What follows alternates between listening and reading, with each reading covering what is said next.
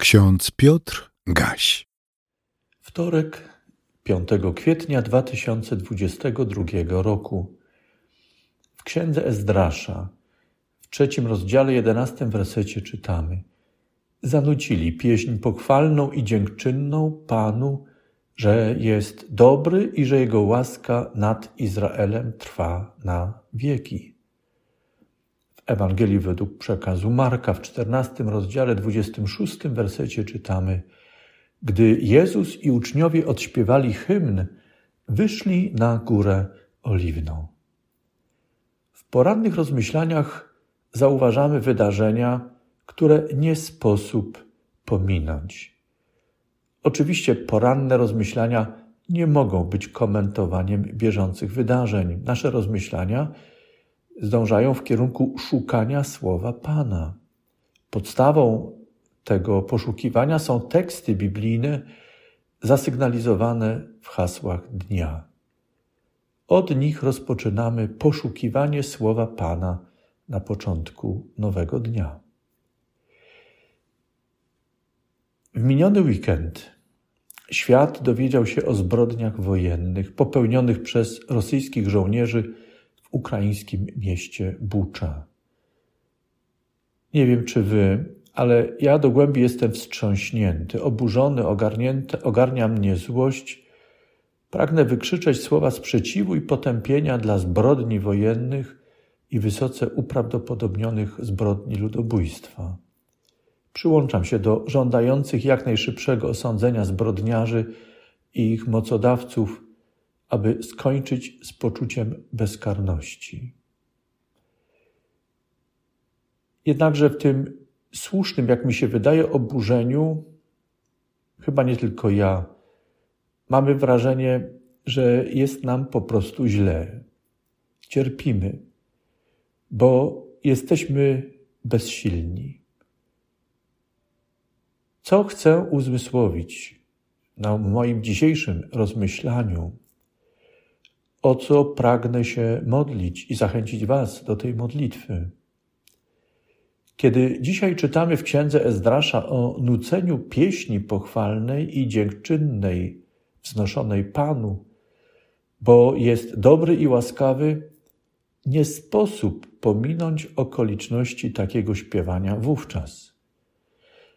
Przypomnę, że była to pieśń nucona przez ludzi, którzy wrócili po deportacji i latach niewoli do swojej ziemi, do zrujnowanego miasta Jerozolimy.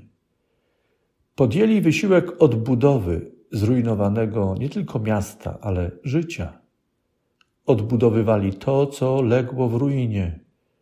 Chcieli być cierpliwi w budowaniu także czegoś nowego, wartościowego, co uczyniłoby ich życie i życie następnych pokoleń szczęśliwym. Czytamy, że w swoim budowaniu nie zapomnieli o konieczności odbudowy świątyni, która stała się dla nich symbolem odrodzenia duchowego, odzyskania siły i motywacji tak bardzo im potrzebnych w przywracaniu tak zwanej normalności życia, spełnienia, bezpieczeństwa, radości do radości ze wspólnoty z ludźmi, i z Bogiem.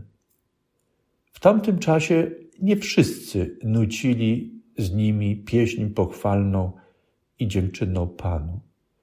Ci, którzy pamiętali Jerozolimę i świątynię sprzed zburzenia, pamiętali życie sprzed deportacji i lat niewoli, mieli rozdarte serca. Nie potrafili się cieszyć nowym otwarciem. Trauma przeszłości odbierała im radość z powrotu do swojej ziemi i do Jerozolimy. Trauma pozbawiała ich siły i motywacji do odbudowy, także świątyni Pana. Nie potrafili pogodzić się z utratą tamtego życia. Płakali i nie odnajdywali radości w tym, co innych cieszyło tu i teraz. Dzisiaj w rozmyślaniu i szukaniu słowa Pana zaglądamy także do Ewangelii według przekazu Marka. Czytamy w niej, że Jezus i jego uczniowie dopełnili rytuału odśpiewania hymnu dziękczynnego na zakończenie wspólnej wieczerzy. Potem wyszli na Górę Oliwną. Wiemy, że już niedługo po tym wspólnym śpiewie Jezus zmagał się ze słabością ciała, potwornym lękiem i duchową trwogą. Jego modlitwa była raczej smutną pieśnią. Ogród oliwny, w którym wcześniej Jezus odpoczywał i doznawał modlitewnej ciszy, tym razem drzewa tego ogrodu były niemymi świadkami lęku, trwogi i modlitewnego boju. Z powodu tego wydarzenia ogród oliwny Getsemani przestał być już tylko miejscem ciszy i spokoju. Będzie wspominany również jako miejsce trudne, naznaczone bojem, smutkiem i cierpieniem. Będzie symbolem błagania o duchową siłę i odwagę do dźwigania niechcianego doświadczenia, które Bóg jednak dopuścił i zadał umiłowanemu synowi. To prawda, że Pan ostatecznie jednak przeprowadził i wyrwał umiłowanego z tego doświadczenia, ale wolno nam je przywołać tylko dlatego, że umiłowany Syn Boży i jednocześnie Syn Człowieczy zaufał Ojcu Niebiańskiemu. Pozwolił się poprowadzić, przeprowadzić przez trudne doświadczenie. My, wspominając drogę Chrystusa, naszego Pana, doznajemy poruszenia, w którym smutna pieśń zmienia się w nucenie dziękczynne i pochwalne Pana, że jest dobry i że Jego łaska nad Izraelem i nad nami na wieki. Corrie ten Boom, Holenderka, wielce doświadczona w różnych sytuacjach jako uczennica Pana, Boga naszego, powiedziała kiedyś: Odwaga to strach, który zawołał do Boga w modlitwie. Módlmy się. Boże, dziękujemy Ci za nowy dzień. Pomóż nam zmierzyć się z wszystkim, z czym zmagamy się dzisiaj. Skoro wszystko ma swoją porę, nie chcemy się smucić, kiedy jest czas radości.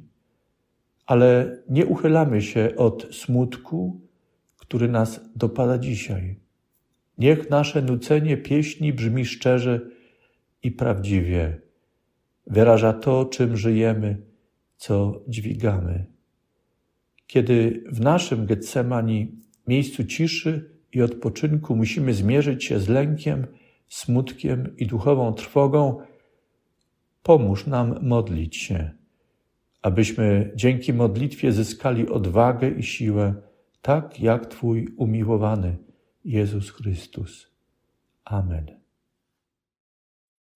Więcej materiałów na www.trojca.waw.pl